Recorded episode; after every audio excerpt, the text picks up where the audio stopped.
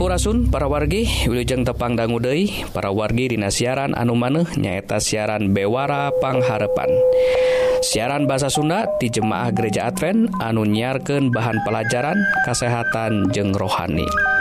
siaran ia nyiar unggal dinten Mingon salahsa kemis sareng Sabtu tabu 7 enjing sareng tabu 7 sonten Mugia sadai pelajaran Nuri sangaken tiasa jantan berkah kanggo urang sadayana Sumangga wilujeng ngadangguken.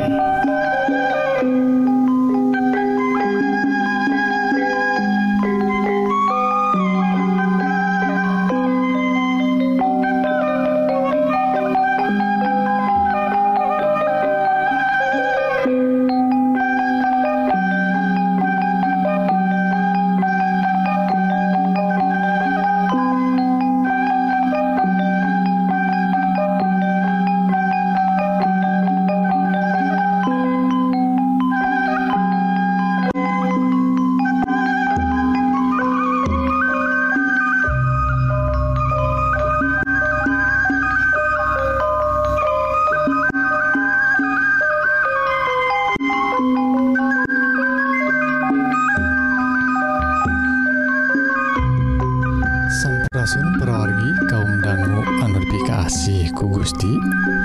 Rohang kesehatan dinten Ieu judulna new normal bagian anukatilu sakali De perwargi orang ngebahas new normal da Ayeuna tangtos nawae program pemerintah IET nuju digembor-gemborken ku penting-penting na eh, mayunan panyawat anu sebat wabah Corona tea tah Dina rohang kesehatan dinten I new normal badai ngebahas soal kegiatan di tempat ibadah. Tak sekali deh perwargi eh, warga-warga uh, orang ayaah OG anu ngadanggu atau nyebatkan Kyda tos normal Ayo nama Hayu orang ibadah biasa bihara sabihari Dei tah eta teh lepat perwargi lepatna teh maksana manggawai leres aya atau tiasa ibadah di tempat ibadah. Kurang teh ayeuna teh. Tapi nu disebat PSBB na masih jalan kene. Tah kumaha maksana? Sapertos anu normal tapi henteu normal pergi di tempat ibadah urang teh tiasa dijalankan tiasa orang ibadah sami-sami di tempat ibadah orang di gereja tapi nanti biasa sama model kapungkur. Tah aya pembatasan sahur pemerintah teh. Nyata pergi seurna Jalmi anu ayat di tempat ibadah teh tekenging pinuh. ya pinuh teing malih mah. Kedahna ngan tilu puluh atau opat puluh persen. Jantan lamun ayah 100 jalmi lebetna tiasa lebet maksimum tah ngan tilu puluh jalmi wungkul. Supados jalmi itu tiasa calikna atau nangtung teh e, ngan e, jarang-jarang e, gitu untuk pada dat gitu parwargi. Lajeng parwargi Dina kahirupan ibadah orang teh gening da orang Kristen mah orang-orang ibadah di gereja teh benten sarang Jami atau agama uh, tatangi orang nyata orang Islam. Anu muslimah ke ibadah di tempat ibadah nate di masjid da aranjenama tara nyanyi parwargi. nah aranjana mah ngaduan age malih mah harewos untuk tarik-tarik teingtah benten sarang orang anu diibadah di gereja. Malih masuk nyanyi nyanyi nage bebarengan tarik nafas ngelepas ke nafas teh sagorowokna wae pangintentah daku uh, hayang muji Gusti anu tos miara urang tangtosna tadi ibadah urangna benten nate gitu parogi takku gitu na rada benten sarang tatanggi urang. jantan perwargi lamun urang tiasa ibadah tilu puluh persen atau sakdik jalmi di tempat ibadah tangtosna atau gumbira pisan urang ge tiasa ngempel. Nanging salahsna can ngempel tiasa ngempel sadayana perwargi tak atuh kumaha gitu mah? Tak sakali deh parwargi lamun ia kekeh badai dijalankan mangga tiasa wae panginten nu tadi nangan sakali ibadah jantan tilu kali. lamun aya biasanya kumpul na teh dugiken eh, seueur pisan 100% A nama ibadah nate nu biasa tilu kali tilu sesi gitunya Dinasa dinten nate A nama kedah 10 sesi panginten sajam ewang Tinasa dinten natetah gitu parorgi lajeng kedah nganggo masker ya tau ge. Jantan nyanyi oge ngadua ge. Kedah nganggo anger katahan pergi waktu ngelepaskan sora atau nuju tarik nafas gitu Oge sate acan kalebetna wawasuh panangan sadayana. Uh, Uih nage gitu badai wasuh panangan mangga atau nganggo sanitizer nyanak botol nyarira nyarira. Lajeng uina mangga. Uih langsung ke bumi sewang-sewangan. Supados bilih wae urang kata Rajang harita kene urang mual nularkan kajjalmi anu sanes parugitah hal-hal nukiete kedah dijagi kedah dilaksanakan nyataan disebat protokol kesehatan anu diprogramkan ku pamarintah lajeng dari perogi ruina lamun kekehoyong ngumpul Dina di tempat ibadah teh ngan diidinan anu Yuswana Yuswa ngora kene tekenging barudak letik tekenging murang kali urang tekenging oge anu sepuh. Tak boleh 50 tahun ka kaluhur mah rupena te, diidinan perwargi takut gitu nah ayaah pembatasan itu ngajantenken kegiatan ibadah orang tetap kehalang nya langkung saya tetap we orang online helak sementawis mah parwarginya. Ngadangguken Dinas siaran sama model Ki mudah-mudahan kapayun. Kudoa nukeyeng kudu kuduku doa sadaya Jalmi. Mudah-mudahan Gusti e, ngajabah doa-doa orang supados orang tiasa lepas Tina wabah korona Ieu. Mugi-mugi kurang sadaya diberkahan ku Gusti. Amin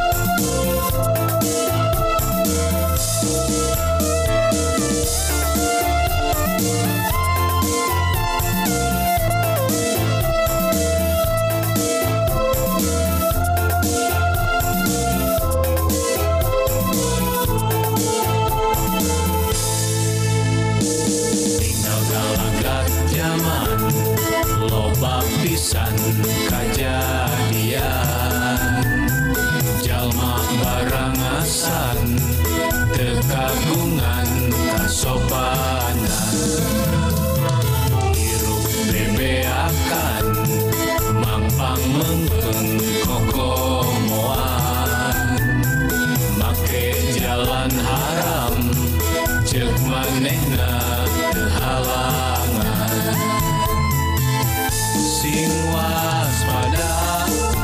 orang dina akhir zaman.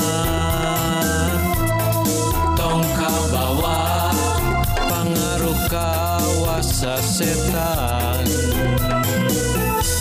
Sing satya percaya ka Gusti Yesus.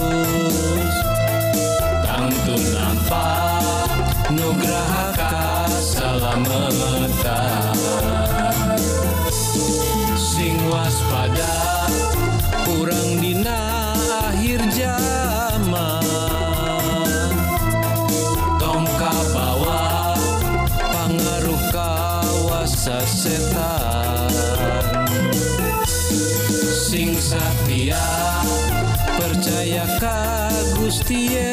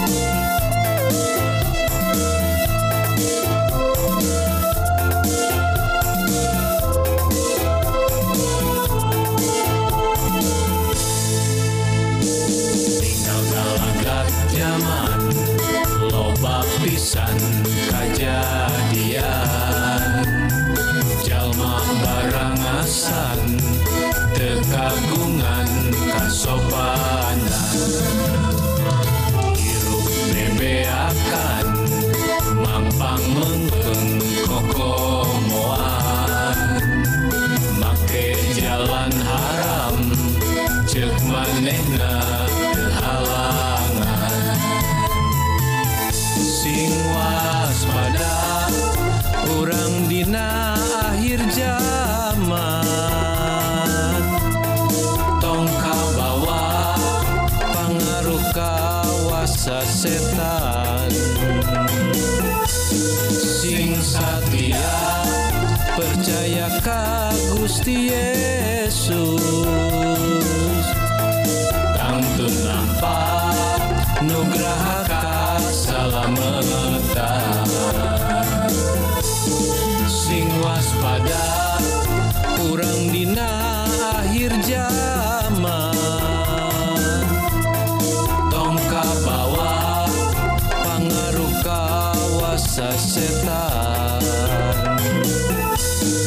sing satya percaya ka Gusti Yesus.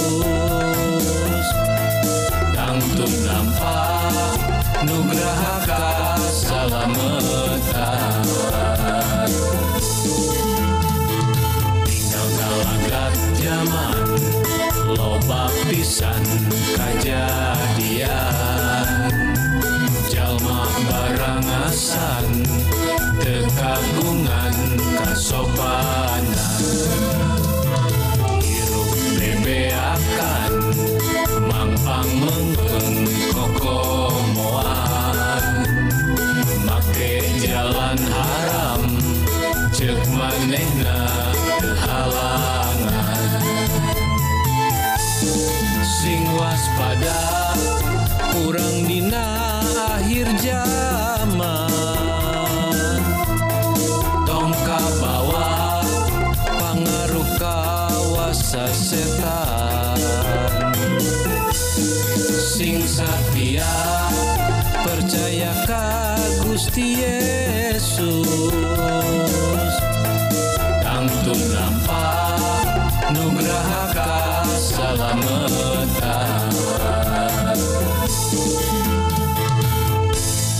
asa itu para wargi kaum dangu bewara ngenaan kesehatan mugi-mugi para wargi diberkahan ku Gusti dipaparin kekuatan sarang kesehatan jiwa sarang raga kanggo lumampah sarang midamal pada amalan sadi dinten sekali dari upami para wargi ngaraos diberkahan atanapi ayah patarosan tiasa ngontak Kasim Abdi dina serat email nyaeta bewara pangharapan at gmail.com atau ngontak karena nomor HP atau wa WhatsApp Dina nomor 08 hiji salapan hiji salapan 227 5 hiji dalapan Mugia urang tiasa saling nguatkan Dina nandangan hirup anu campuhku hal-hal duniawi. Mugia urang tiasa ngengingkeun hirup anu pinuh ku katentraman di lebet Isa Almasih anu kawasa di dunia jeung akhirat. Salahjengna Hayu atuh kaum dangu urang terasken karena rohang rohani anu badai ngaguar pengajaran kanggo bawaun kahirup akhirat. Nu ungelna tina kitab suci. Sumanga wilejeng ngadangguken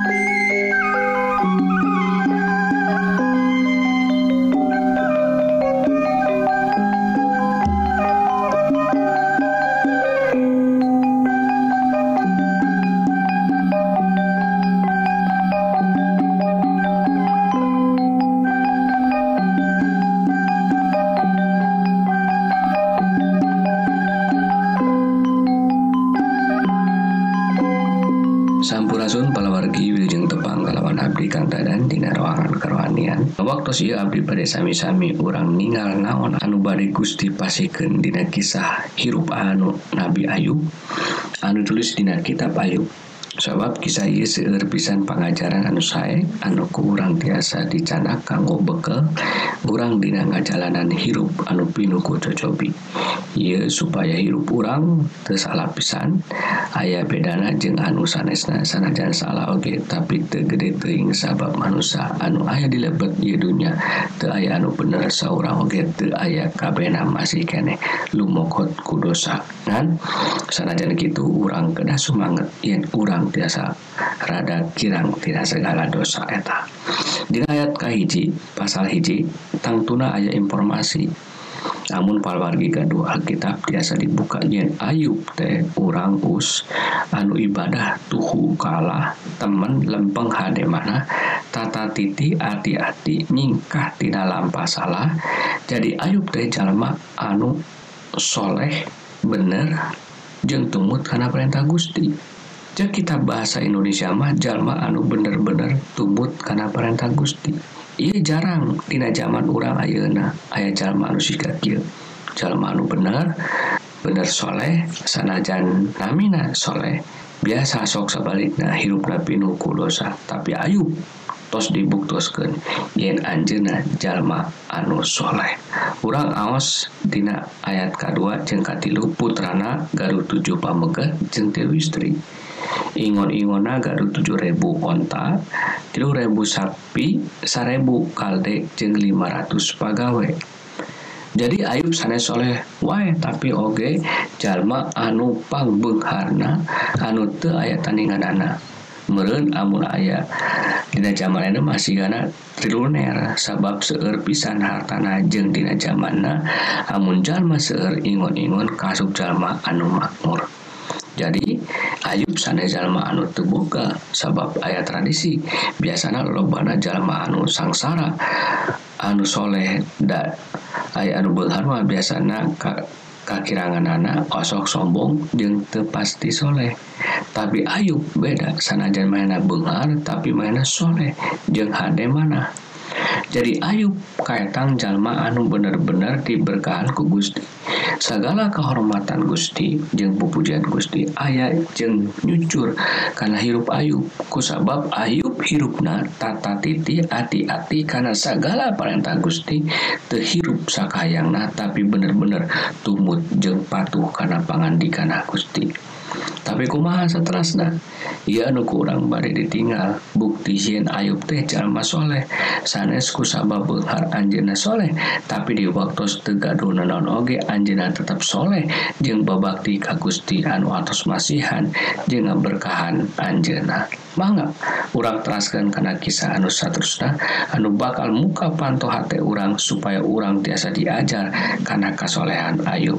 Dina ayat ke 13 dugi ke 18 manga palawargi Aos datang tilu musibah. Anu teu disangki-sangki teu aya tanda jeung teu aya beja dina waktu sadinten sadayana. Anu dipigado ku ayu beraib nganyesakeun pada amal pada menahungkul dina jalma anu Benghar ujug-ujug jadi jalma anu pangmiskinan sadayana raib tay sana cing emut-emut kira-kira kumaha jadina amun urang siga gitu urang tos ngempalkan harta pada sebara puluh tahun. binasa sadinten eta sadera ludes taya sesana. Abdi tiasa ngajamin saderek atawa palawargi bakal bunuh diri. Amun tegaduh iman anu kuat. Urang bakal paeh nangtung. Urang bakal ngajauh tina segala ibadah. Urang sabab urang ngerasa kaciwa ka Gusti. Sabab kejadian eta. Sok mual aya anu sanggup ngajalanan hidup si gayub tina biasana turun naik mobil enak kudu lempang. Abdi apal karena kayang jalma mual ayah anu kiat? Tapi ayub benten pisan. Jeng jalma biasana sanajar wayana ngalapan kejadian eta mayana tetap satya orang tiasa ninggal dina jangjina satya ayub ke Allah. Dina ayat 20 di kedua hiji. Net ayub cengkat sek nyoseah anggonana awahing kurumuk nyamana rambutan. buuk di gundulan ngebetkan anjing nyium tanah poh ngahilir kami datang ke dunia tebabawaan mulang ge mau babawaan pangeran anu meparin ku pangeran deui di canak mugi panjenengan anak tetap di jungjung sangem teu palawarginya rosi ka kitu abdi nyalina sigana moal.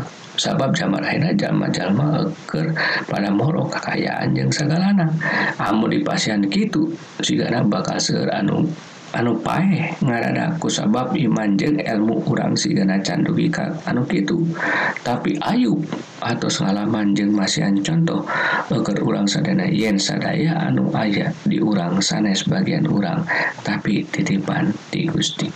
Ayub masihan gambaran kumaha iman urang sabernaga Gusti. Iman urang sanes iman anu belang bentong iman urang kena jadi iman anu bener ku bukti urang sajalan. ngalaman kasusah jeung sajaba urang tetap satia mual inkar atau ngajauh di Gusti Yesus. Carita terendugi tadinya setan tepuas karena iman Ayub. Hoyong bener-bener ngancurkeun Ayub satos Ayub nyarita kitu. Jeung pamajikan anak ninggalkan mainna. Ayub diterapang panyawat. Anu pangkotorna anu teu aya obatna. Unggal poe mainna kudu diuk dina tanah jeung awakna unggal poe kudu dibanjur ku tanah ame teu bau tapi Ayub teu mundur atawa pegat muji Gusti. Anu atos kaberkahan manehna. Ayub tetap setia ka Gusti teu pegat ku panyawat. Anu di alaman tapi Ayub tetap Gatot Satya muji Gusti. Sanajan sobat-sobat naoge ngajak supaya mainan Malik di Gusti. Ngewa ka Gusti tapi Ayub tetap peguh karena imana tetap Satia Ka Gusti. Sebaliknya orang atau palawargi amun ngalaman orang bakal Malik. Orang bakal nggak jauh di Gusti. Orang bakal usaha sorangan. Sabab pastinya orang bakal kaciwa. Tapi ingat amun jalan eta anu ku orang dicandak mual kenging nanaon malah bakal beki sangsara. Tapi naon hasilnya tidak kasihan Ayub. ngajalanan sadaya cocobi ayat 12 dina pasal ka 42 tungtungnakeun hirup ayub ku pangeran di hujanan ku berkah lebih ti asal tadina pilaranana jumlahna. Teh domba 14.000 sapi 2.000 kalde 1000 sapi 2000 serta kagungan dari putra 7 pamegat tilu istri. Kumaha akhir? Tina iman Ayub anu tetap satia ka Gusti masihan. Gusti masihan dua lipat tina anu kaiji. Ieu bukti yen kasatian ka Gusti. Aya ganjaran anu age anu teka pikir ku akal. Tapi sadaya bakal kengeng amun urang tetap satia Sika Ayu aya anu sia-sia di Panon Gusti sayana bakal dikentosku anu langkung. Palawargi anu lebih kasih Hayu kurang gaduh iman sepertos Ayub anu te pernah goyah je buruk sanajan loba tantangan jeng cocobi Gusti nggak berkahan manga kurang sami-sami ngadua Nun ama anu linggiri sawarga. Mugi jenengan ama anu suci dimuliakan kerajaan ama mugi rawuh.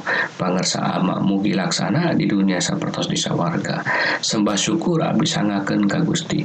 Ku sabab atas natayungan Abdi. Sadaya dugi ka waktu ieu Abdi sadaya aya dina kaayaan sukacita jeung sehat walafiat. Abdi ngatur kenuhun karena dauhan anu dongkap natina pangandika Gusti.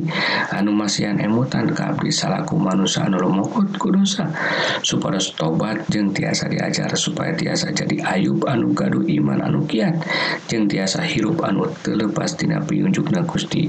Jeung beki raket jeung caket ka Gusti.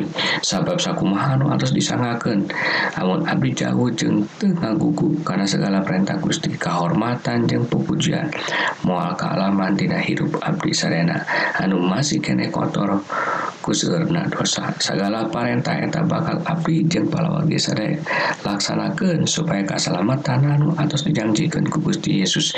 Tiasa jadi kagungan abdi sadayana supaya abdi tiasa linggih di lebat kerajaan sawarga. Jeung Gusti Allah anu moal ayat tuntungna sadaya kagungan Gusti bakal linggih di lebat mana abdi jadi pangemut sareng jadi piunjuk jalan anu benar. Kukituna hapunten karena segala kalapatan abdi sakuma abdi oge peran atur ngapunten kanu garu kalapatan ka abdi mugi abdi ulah diterapan cocobi. Anu abot sawang suna mugi diselamatkan di panggoda iblis. Werhinya manuju meneng raja kawasa sarang mulia. Amin. Sakit palawargi dawan anu tiasa ku abdi sangakeun mugi katampi kalayan jadi berkah jeung tiasa nuntun kerajaan kasalamatan kali lepat kurang bakal tepang dan mudari tidak waktu sarang gelombang anu sami. Amin. Yes.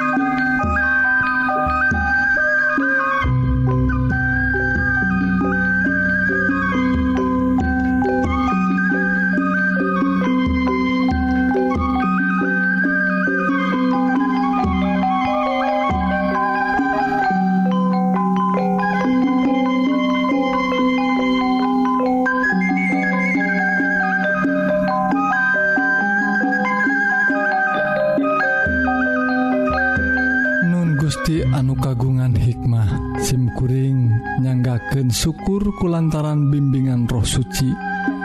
Anu tos nuyun Abdi sadaya dinanalungtik dauhan Gusti. Anu mugi tiasa jantan bibit-bibit kayaktian. Sarang numbuhken iman anu nyalamatkan Abdi sadayatina hukum dosa. Kupangersana Gusti mugi dauhan Gusti anu parantos kakuping ieu. Dengan saukur ngalangkung nanging nyayang sarang nyaangan kana hate sarang pipikiran Abdi sadaya.